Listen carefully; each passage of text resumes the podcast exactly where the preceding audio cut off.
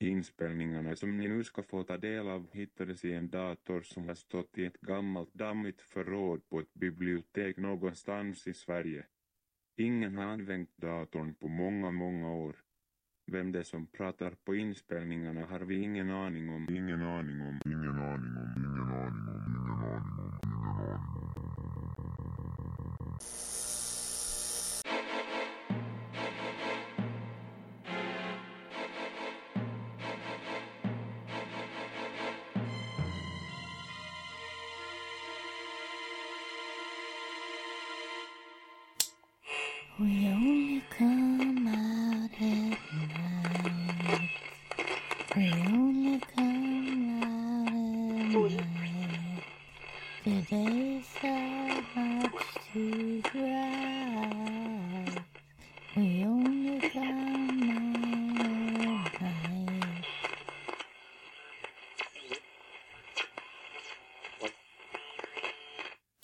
Det där var en ganska berömd ljudinspelning som några ungdomar gjorde då de besökte ett hemsökt hus i Chicago-trakten.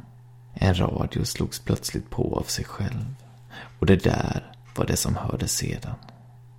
Vi kommer bara ut om natten, sjunger rösten. Dagens avsnitt kommer handla om just dem som besöker dig på nätterna. Vissa av dem är harmlösa, andra vill dig ont. Några av dem vill rent av ha ditt blod. En flicka som jag kände en gång kom till mig en kväll alldeles förtvivlad. Hon berättade om att hon hade varit med om något mycket märkligt och omskakande. En morgon, jag tror det var en lördag, hade hon vaknat upp i sin säng som vanligt. Hon hade satt sig upp och var så där lycklig som man ibland kan vara då man vet att man har en helt ledig dag framför sig som man kan fylla med lite vad man vill. Hur som helst, hon satt där då hon kände att något var fel. Det liksom ömmade på vissa punkter av hennes kropp. När hon granskade sig i spegeln insåg hon att kroppen var täckt av små blåmärken. Blåmärkena hade inte varit där då hon somnat kvällen innan. Så någon måste ha varit inne hos henne under natten och gjort henne illa. Någon annan förklaring var inte rimlig. Flickan såg sig desperat omkring för att försäkra sig om att inkräktaren inte var kvar, men kunde lyckligtvis inte se någon. Däremot upptäckte hon något annat. På nattduksbordet låg en utriven boksida. Sidan kom från en bok som hon hade läst kvällen innan. Tvärs över sidan stod med spretiga bokstäver. Ge mig sorgen, hemska flicka. Snabbt tog flickan boksidan och knycklade ihop den till en boll. Hon sökte förtvivlat efter ett sätt att göra sig av med den och fann strax en tändsticksask som låg och skräpade i en hylla. Hon tände på pappersbollen och lät den förkolna i en blomkruka. Och när det sista av pappret blev svart kunde hon nästan svära på att hon hörde ett hest, liksom väsande skratt. Blåmärkena och meddelandet förföljde henne hela dagen. Hon kunde inte sluta tänka på det. Vem hade gjort märkena och vad betydde meddelandet? Ge mig sorgen. Visst, hon kände sig sorgsen. Hennes föräldrar låg i skilsmässa, men bodde fortfarande tillsammans. Stämningen i hemmet var spänd och ganska vemodig. Men hur ger man någon sin sorg? Och vem skulle vara villig att ta emot den? Flickan förstod ingenting. Dagarna gick och nätterna fortsatte att vara obehagliga. Allt fler blåmärken dök upp och flickans böcker fylldes av klotter som Sorgen ska ut, lyd mig och jag tar det svarta. Föräldrarna började ana oråd och anklagade varandra för att ha givit flickan blåmärkena. Men när flickan fortsatte att få nya, trots att föräldrarna höll ögonen på varandra, började de tro att flickan skadade sig själv. Det fanns ingen annan förklaring. Flickan for illa på grund av deras skilsmässa, det insåg de och de beslutade därför att flickan behövde miljöombyte. Hon skulle få bo hos sina farföräldrar en tid. Sista natten innan flytten blev fruktansvärd. Flickan gick och la sig, men hade svårt att sova på grund av rädslan för vad som skulle kunna hända då hon somnat. När hon väl föll i sömn drömde hon obehagliga drömmar. Hon såg hur någon klev in i hennes rum. När skepnaden som hon såg kom närmare blev det tydligt att det var en sorgklädd gammal kvinna som närmade sig. Det obehagliga med kvinnan var att hon på ett märkligt sätt verkade trippa på tå. Som om hon smög. Med jämna mellanrum förde hon pekfingret mot munnen och hyschade mot flickan. Vid några tillfällen var hon tvungen att stanna upp eftersom hon fick fnissattacker. Hela hennes ansikte förvreds då. Det fårade ansiktet fick ännu fler rynkor. Just fnissattackerna upplevde flickan som mycket skrämmande eftersom kvinnan, trots sin höga ålder, då påminde om en sjuåring. Samma rörelsemönster, samma plirande blick. När kvinnan nådde fram till flickans säng böjde hon sig över henne så att deras näsor nästan kolliderade och viskade något ohörbart. Därefter började hon återigen fnissa och blev tvungen att ta ett steg bort från flickan. Men hon var snart tillbaka igen och fortsatte att viska.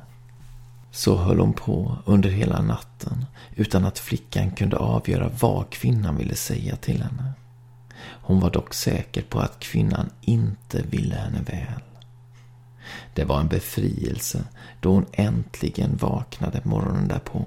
Hon var alldeles kallsvettig och kunde inte släppa tankarna på den viskande kvinnan i drömmen. Så mindes hon plötsligt att hon en gång under natten faktiskt hade förstått vad kvinnan ville säga henne. I drömmen hade hon då sträckt sig efter sin dagbok som låg bredvid sängen och klottrat ner kvinnans budskap i denna. Kunde det ha inträffat i verkligheten? Med darrande händer plockade hon upp dagboken och började bläddra i den. På en av de sista sidorna fann hon vad hon sökte. Där stod skrivet med hennes egen handstil. Sorgen krälar långsamt ut. Blodet följer med till slut. En våg av skräck for genom flickan. Hon tittade ner på sin kropp och fick till sin förskräckelse se att hon hade blodiga sår överallt. Flickan flyttade samma dag till sina farföräldrar. Hon slapp föräldrarnas osämja och stressen som funnits i henne så länge försvann.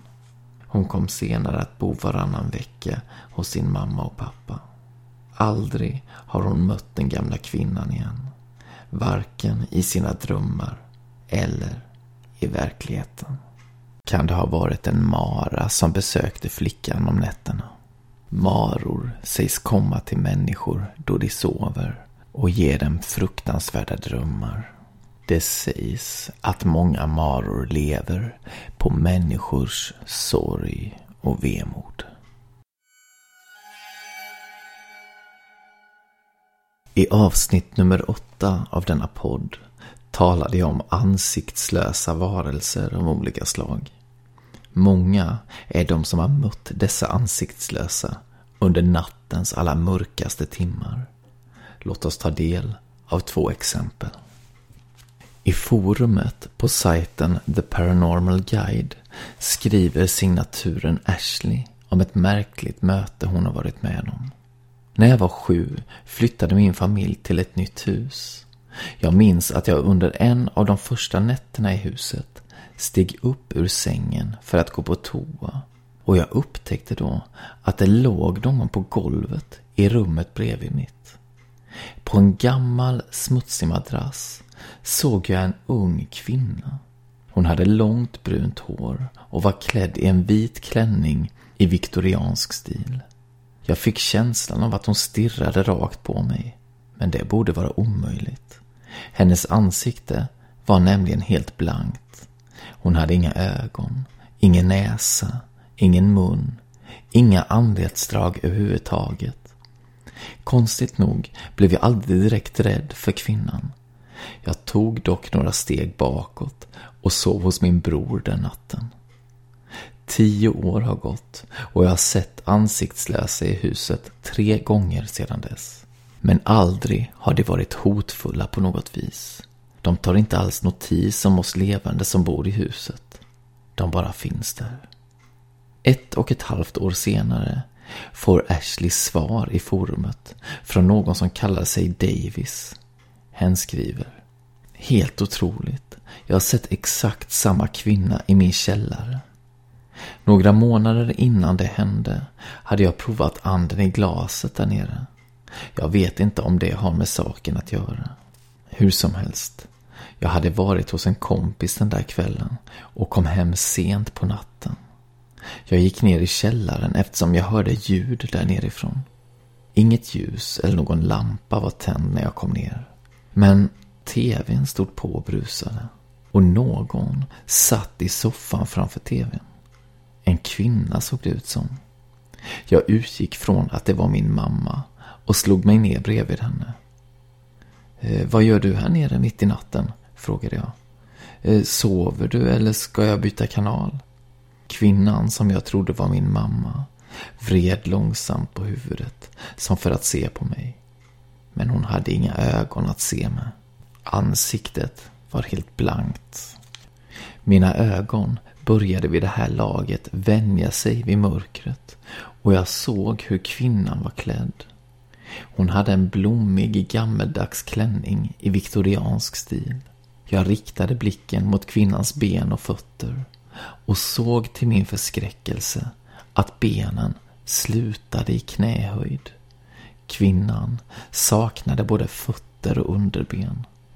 Jag gick väldigt snabbt upp för trappan och det kom att dröja flera år innan jag tordes gå ner i källaren ensam igen. Nästa historia har jag valt att kalla Skräcken utanför. Den bygger på händelser som utspelade sig i norra delarna av Sverige för ett antal år sedan. Nu måste du sova, viskade morfar och klappade Sebastian ömt på kinden. Imorgon ska vi åka skridskor. Ja, visst ja. Sebastian hade för en stund helt glömt bort att han och morfar skulle ge sig ut på den lilla skogskärnen imorgon. Det var vinter strax efter nyår och Sebastian hade varit hos sin morfar i en vecka och skulle vara där en hel vecka till.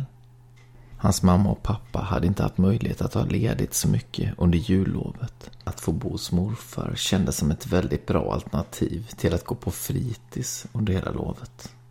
Det var alltid mysigt hos morfar. Han bodde ensam i en liten timrad stuga en bit ut i skogen.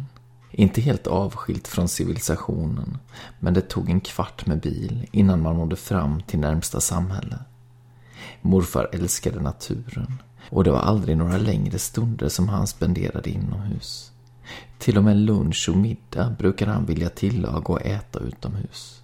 Att grilla nyfångad fisk över en öppen eld var hans specialitet. Men de senaste dagarna hade det inte blivit några utomhusmåltider. I alla fall inte efter mörkrets inbrott. Det hade nämligen hänt en hel del väldigt obehagliga saker i trakten. Under Sebastians första natt i morfars stuga, den 27 december, hade en hund hittats död i samhället, bara en mil därifrån. Hunden hade smitit tidigare på dagen, men återfanns i delat skick. Huvudet var avskuret från kroppen med något vasst, kanske ett svärd eller en stor kniv. Folk var chockade. Vem i hela världen var kapabel att utföra ett sådant grymt dåd? Några dagar senare var det dags igen. Ett par som var ute och gick med sin chefer hörde du brakade till i skogen en bit framför dem. Deras hund blev nyfiken och sprang i full fart i riktning mot ljudet. Hunden var bara 30 meter ifrån paret när något hoppade ut framför den. Det såg ut som en människa, berättade hundens matte. Men den här varelsen var kutryggig och väldigt mager. Fingrarna, eller klorna, var makabert långa.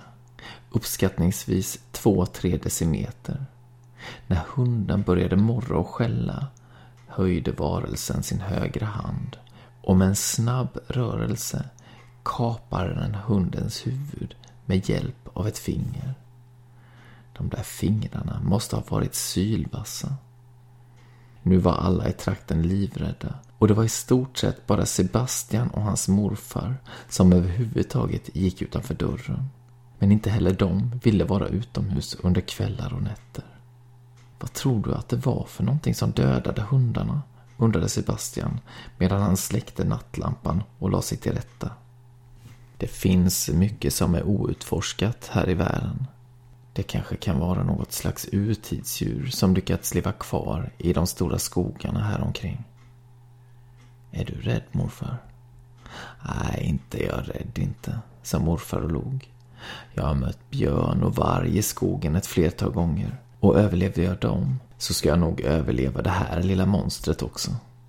Sebastian log. Hans morfar var verkligen modig. Eh, nej du gosse, nu är det hög tid för dig att sova. Vi får prata mer imorgon. Morfar stoppade om Sebastian riktigt ordentligt.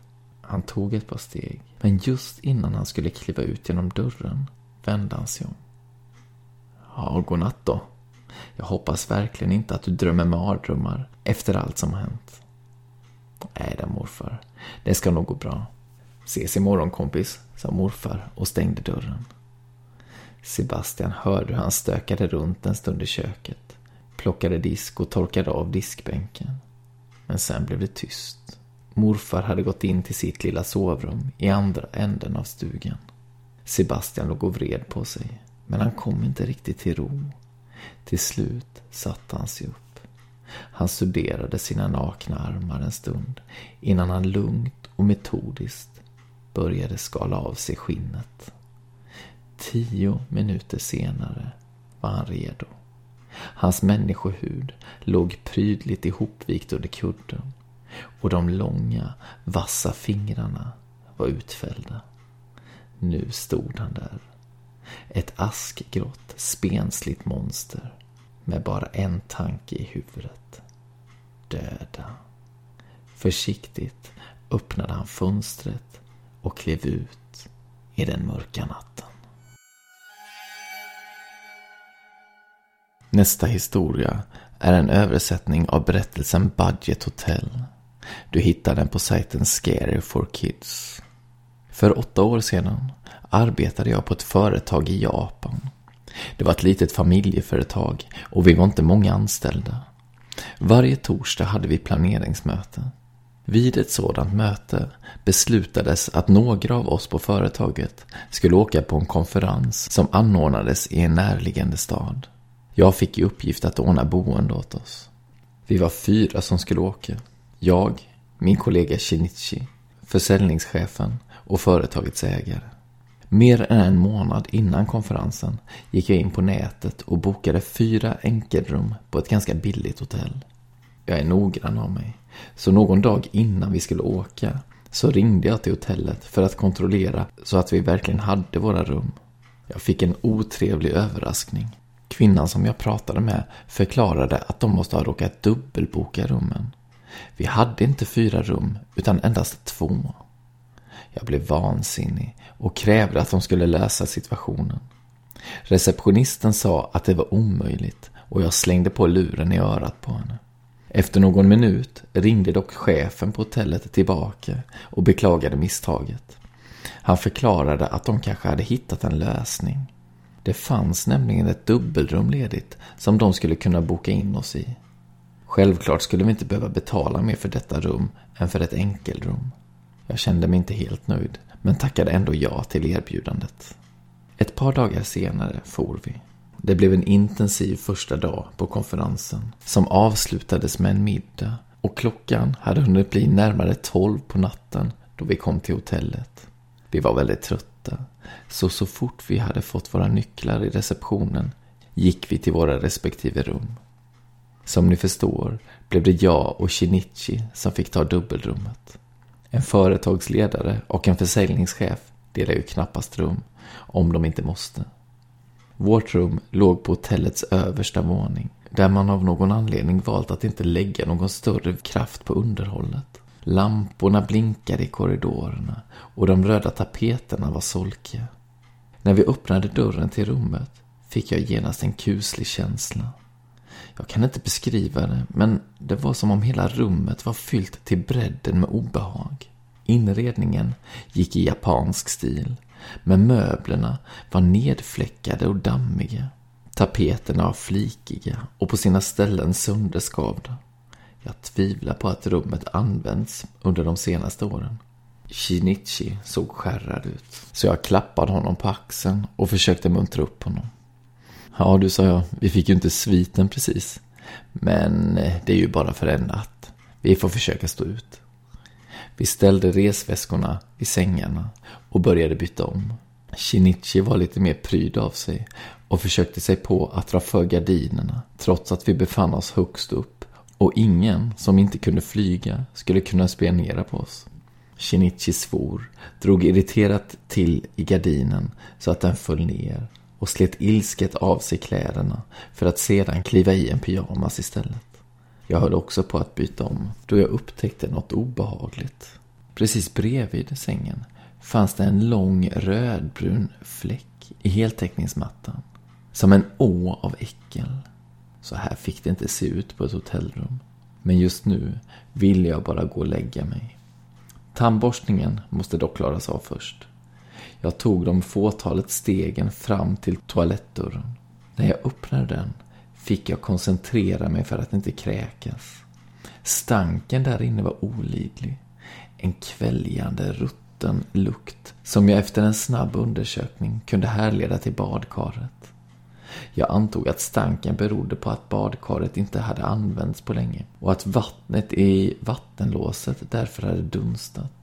Jag spolade en stund med kranen i badkaret, vars botten var grå av ingrodd smuts. Det här rummet skulle vi inte behöva betala för. Hade jag inte vetat redan att hotellet var fullbokat hade jag krävt att få ett annat rum. Vi kröp ner i varsin säng, jag och Shinichi. Min säng stod vänd mot badrummet och Shinichis säng var vänd åt andra hållet, mot fönstret till. Jag somnade ganska snabbt, men vaknade igen mitt i natten. Eftersom jag brukar sova ganska djupt blev jag fundersam. Varför hade jag vaknat? Jag reste mig upp till halvsittande ställning och såg mig omkring. Genast upptäckte jag att någonting i rummet hade förändrats sedan jag gick och la mig. Men jag kunde inte sätta fingret på vad det var. Hade en tavla fallit ner? Hade någon möbel flyttats? Nej. Men dörren till badrummet stod öppen. Den hade jag stängt tidigare för att inte den obehagliga lukten skulle ta sig ut till resten av rummet. När jag tittade ner mot golvet nedanför dörren såg jag något röra på sig. Två skuggor som långsamt kröp mot mig. Råttor, tänkte jag. Fattas bara. Som om inte rummet var tillräckligt snuskigt redan.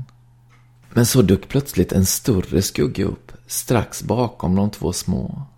När mina ögon vande sig vid mörkret fick jag min livschock. Jag såg vad den tredje skuggan var för någonting.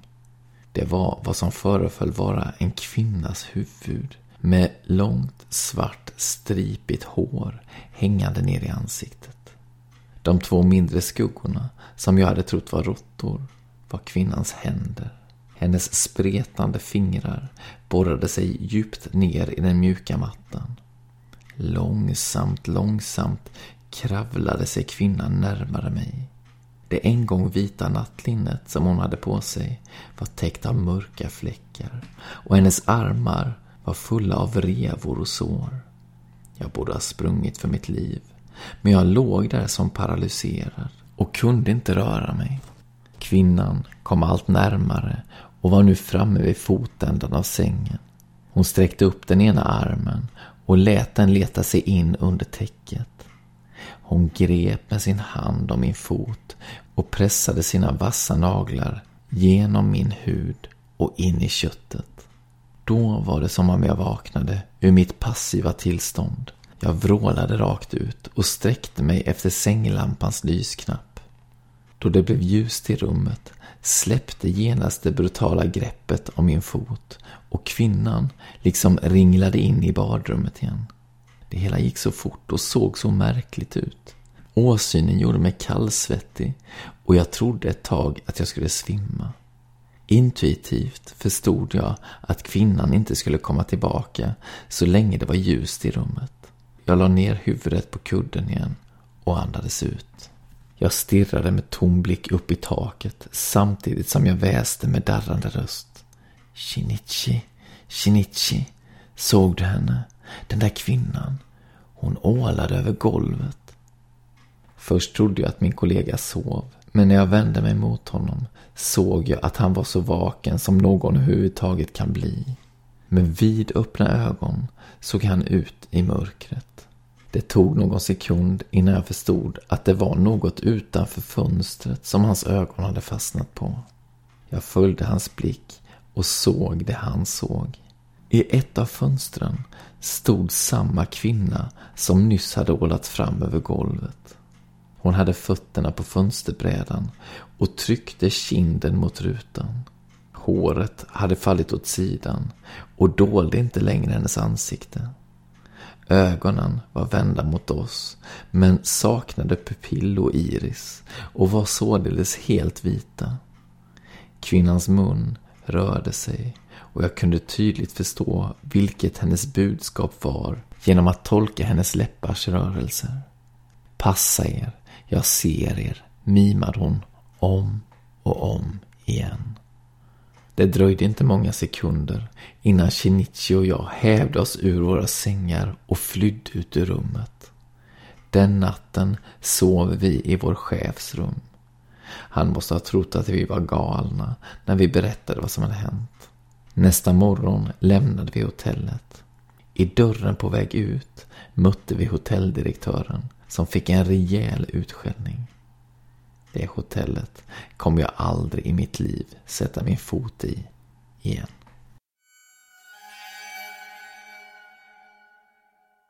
Slutligen ska jag läsa en historia som heter Försvinnande gott. Den är skriven av Peter Arrhenius och du hittar den i novellsamlingen Skräck.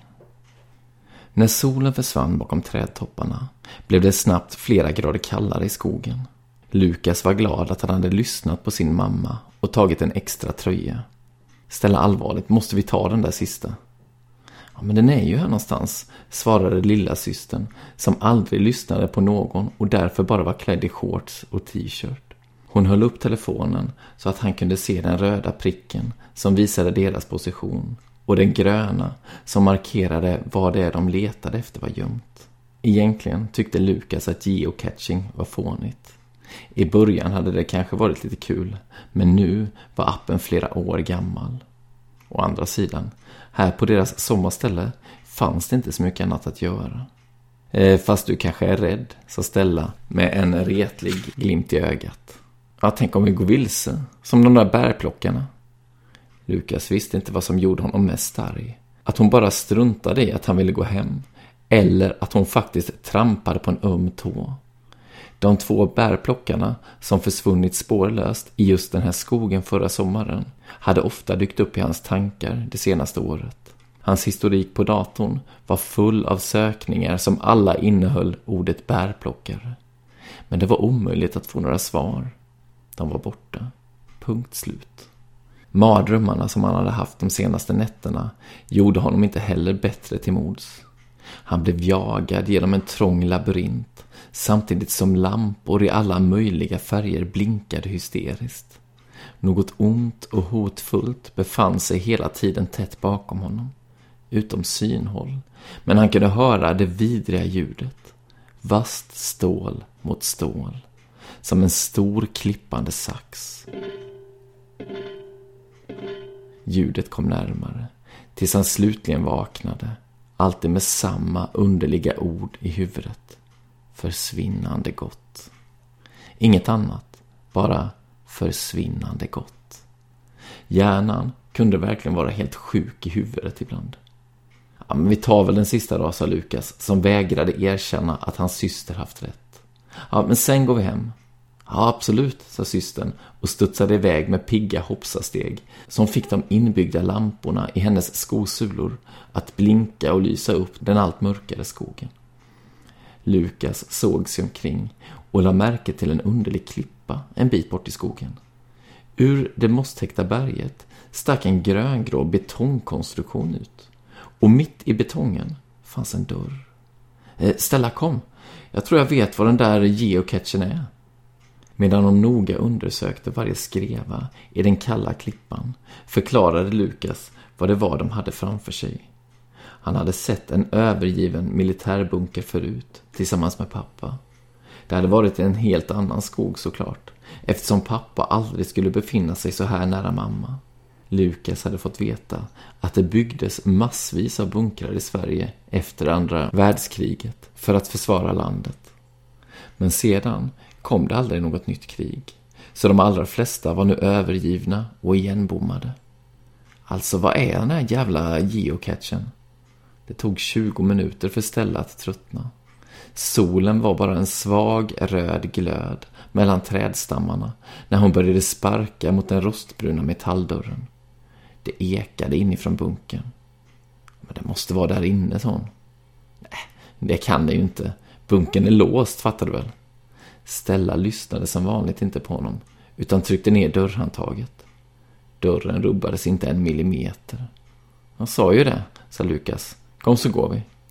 Systern skrek ut sin frustration och bankade och sparkade på dörren samtidigt som hon slet i handtaget. Då small det plötsligt till och Stella föll på rygg till marken. Ett dovt, sugande ljud, likt ett djupt andetag, hördes när den friska skogsluften sögs in i bunkeringången som nu var öppen på vid gavel. Stella lyste in i mörkret med sin telefon. Hjälp till, jag ser ingenting. Lukas skakade på huvudet. Han nästan inget batteri kvar. Stella suckade och klev in i bunkern. Lukas tog snabbt tag i hennes arm. Är du helt dum i huvudet eller? Ja, men stanna kvar då, om du är så feg. Hon drog loss armen och började gå längre in i korridoren. Lukas ropade åt henne att vända, trots att han visste att det var meningslöst. Snart såg han ljuset från hennes telefon försvinna bakom en krök. Han hade inget val. Han var storebror. Hon var som hon var. Han skulle aldrig bli förlåten om något hände henne. Lukas letade upp en tung sten och kilade in den i dörröppningen. Han tänkte inte riskera att dörren skulle gå igen. Sedan tände han sin mobillampa och gick efter sin syster. Det knastrade under hans fötter av torr väggfärg som flagnat och fallit till golvet. Dammiga sladdar hängde slappt mellan knappar och vred som ingen rört på årtionden. Insidan av berget var kall och fuktig och det stack i näsan av mögel och något annat som Lukas kände igen men inte riktigt kunde placera. Kort efter att ingången inte längre gick att se kom Lukas in i ett stort rum. Han lät mobillampan långsamt gliva över mögelfläckiga stolar och bordsskivor som böjts till stora un av fukten. Telefonbatteriet var redan nere på 7 procent. Stella, var är du? Det enda svar han fick var ekot av sin egen röst. På andra sidan rummet öppnade sig ytterligare ett par korridorer. Två svarta hål, allt djupare in i berget. Stella måste ha valt en av dessa. Men vilken? Lukas riktade telefonen mot väggen. Dammiga, buckliga pärmar låg bortglömda i en bokhylla. Instruktionsbilder om hur man skulle agera i en krissituation hade släppt i kanterna och krullat ihop sig. Någon hade försökt lätta upp rummets dystra stämning genom att sätta upp en reklamaffisch för läsk. Lukas kände håret på hans armar resa sig. Telefonen darrade i hans hand när han stirrade mot den gulnande reklambilden. Två tecknade burkar och ett glas som skvätt ut apelsindryck på ett läskande sätt. Längst ner fanns en logga för Singo, ett märke som Lukas aldrig hade hört talas om. Och två ord. Försvinnande gott. Stella! Rösten sprack och lät betydligt gällare än vanligt. Lukas riktade lampan mot den närmaste av de två korridorerna men ljuset nådde bara några meter och var inte mycket till hjälp. Den obehagliga lukten var ännu starkare här. Då hörde han ett ljud inifrån korridoren, som om någon just hade sparkat till en hink eller en plåtburk. Telefonbatteriet stod på 5% när Lukas började springa i riktning mot ljudet. Han fortsatte att ropa efter Stella, trots att han inte fick något svar.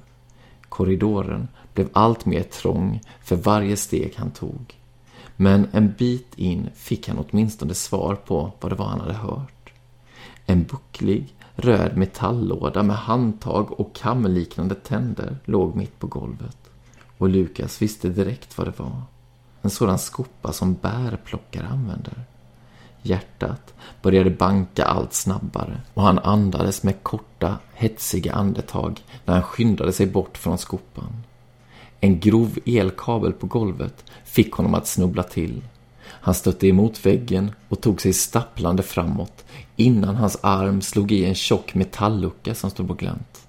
Skylten på väggen informerade om att han hade hittat bunkens skyddsrum. Men skyddad var det sista han kände sig när han klev över den knöhöga tröskeln. Den obehagliga bekanta lukten slog emot honom kraftigare än någonsin. Plötsligt insåg han var han kände igen den ifrån. Förra sommaren hade Lukas gått förbi en påkörd grävling. Det döda djuret hade legat i solen i flera dygn och stanken var fruktansvärd. Precis lika fruktansvärd som nu. Lukas försökte tänka logiskt. Det måste såklart bara finnas ett dött djur i rummet. Kanske en liten mus. Han höjde telefonen för att se sig omkring när batteriet slutligen gav upp och allt blev kolsvart omkring honom. Lukas vågade inte röra sig. Mörkret var totalt. Som om hela världen hade slutat finnas till. Han var tvungen att nypa sig i benet för att övertyga sig om att han fortfarande hade en kropp och med fingrarna inborrade i låret började han långsamt backa mot utgången. Då hörde han de långsamma, rosslande andetagen. Han var inte ensam i rummet. Eh, Stella? Rösten darrade. Ingen svarade, men ett svagt krafsande hördes en bit framför honom. Och det kom närmare. Lukas kastade sig bakåt och famlade vilt med händerna tills han lyckades hitta luckan i väggen. Smalbenet slog i tröskeln när han kastades ut i korridoren och ögonen tårades, men han tvingade sig snabbt upp på fötter igen. Vilket håll kom han ifrån? Han hade inte tid att fundera. Lukas la sin hand mot den kalla betongväggen och följde den bort från ljudet så snabbt hans smärtande ben bar honom. Efter ett tag insåg han att han måste ha gått åt fel håll. Korridoren tog aldrig slut. Men att vända och tvingas passera skyddsrummet igen var inte ett alternativ. Plötsligt råkade han sätta foten på något och hela korridoren exploderade i ljus. Blinkande rosa, gröna, blå lampor skar i hans ovana ögon. En sko. Stellas löjliga blinkande sko. Hon hade varit här. Han plockade upp skon och slog den mot väggen så att den lyste upp korridoren. Det kändes skönt att se något igen. Men sedan insåg han. Labyrinten, det blinkande ljuset, känslan av att vara jagad. En tår rann ner för Lukas kind när han pressade ihop ögonen och desperat försökte tvinga sig själv att vakna. Var det möjligt att han fortfarande var kvar i sin mardröm? Nej. Smärtan i hans smalben var äkta och tåren smakade salt. Han var vaken. Det här hände på riktigt. Han tog sig stapplande runt ännu ett hörn och gick nästan rakt in i en vägg. Han hade kommit till en T-korsning och var tvungen att välja igen. Höger eller vänster. Mot utgången eller djupare in i berget. Lukas, vad är du? Systerns röst fick Lukas att börja gråta på riktigt. Han hade aldrig hört något vackrare.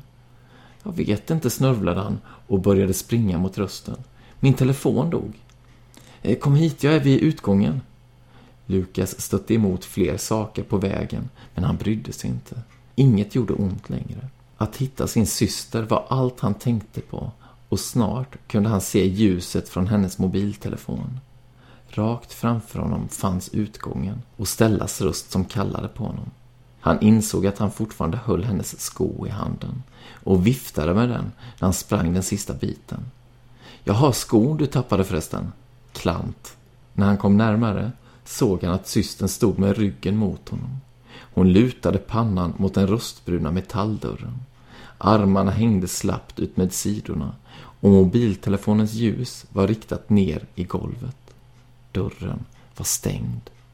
Vad har du gjort? skrek Lukas. Jag la ju en sten. Han föste henne åt sidan och ryckte i dörren. Han försökte trycka upp den med sin axel, men den var omöjlig att rubba. Hjälp till! Om vi kastas mot dörren samtidigt kanske vi får upp den. Nej, den vill inte att vi ska gå. Först nu la han märke till systerns kritvita ansikte, hennes darrande underläpp. Vad pratar du om? Vem vill inte att vi ska gå? Stellas blick var tom, som om hon gick i sömnen. Trots att hon tittade rakt mot honom kändes det inte som om hon såg honom alls. Förlåt, den tvingade mig. Hennes röst var märkligt entonig, som om alla känslor hade stulits från den. Eh, vadå tvingade dig? Vem? Han tog tag i systern och skakade henne för att försöka väcka hennes vanliga trotsiga ja till liv. Telefonen föll till golvet ur hennes slappa hand och lyste upp dem underifrån med sitt kalla, blåaktiga ljus. Men Stellas blick förblev livlös. Det är ingen idé, sa hon, med samma entoniga röst. Den kommer nu. Snälla, sluta. Vem pratar om Stella? Stella lyfte sakta sin hand och pekade över hans axel mot mörkret i korridoren bakom dem. Då hörde han de rosslande andetagen igen och ljudet av vasst stål mot stål som en stor, klippande sax.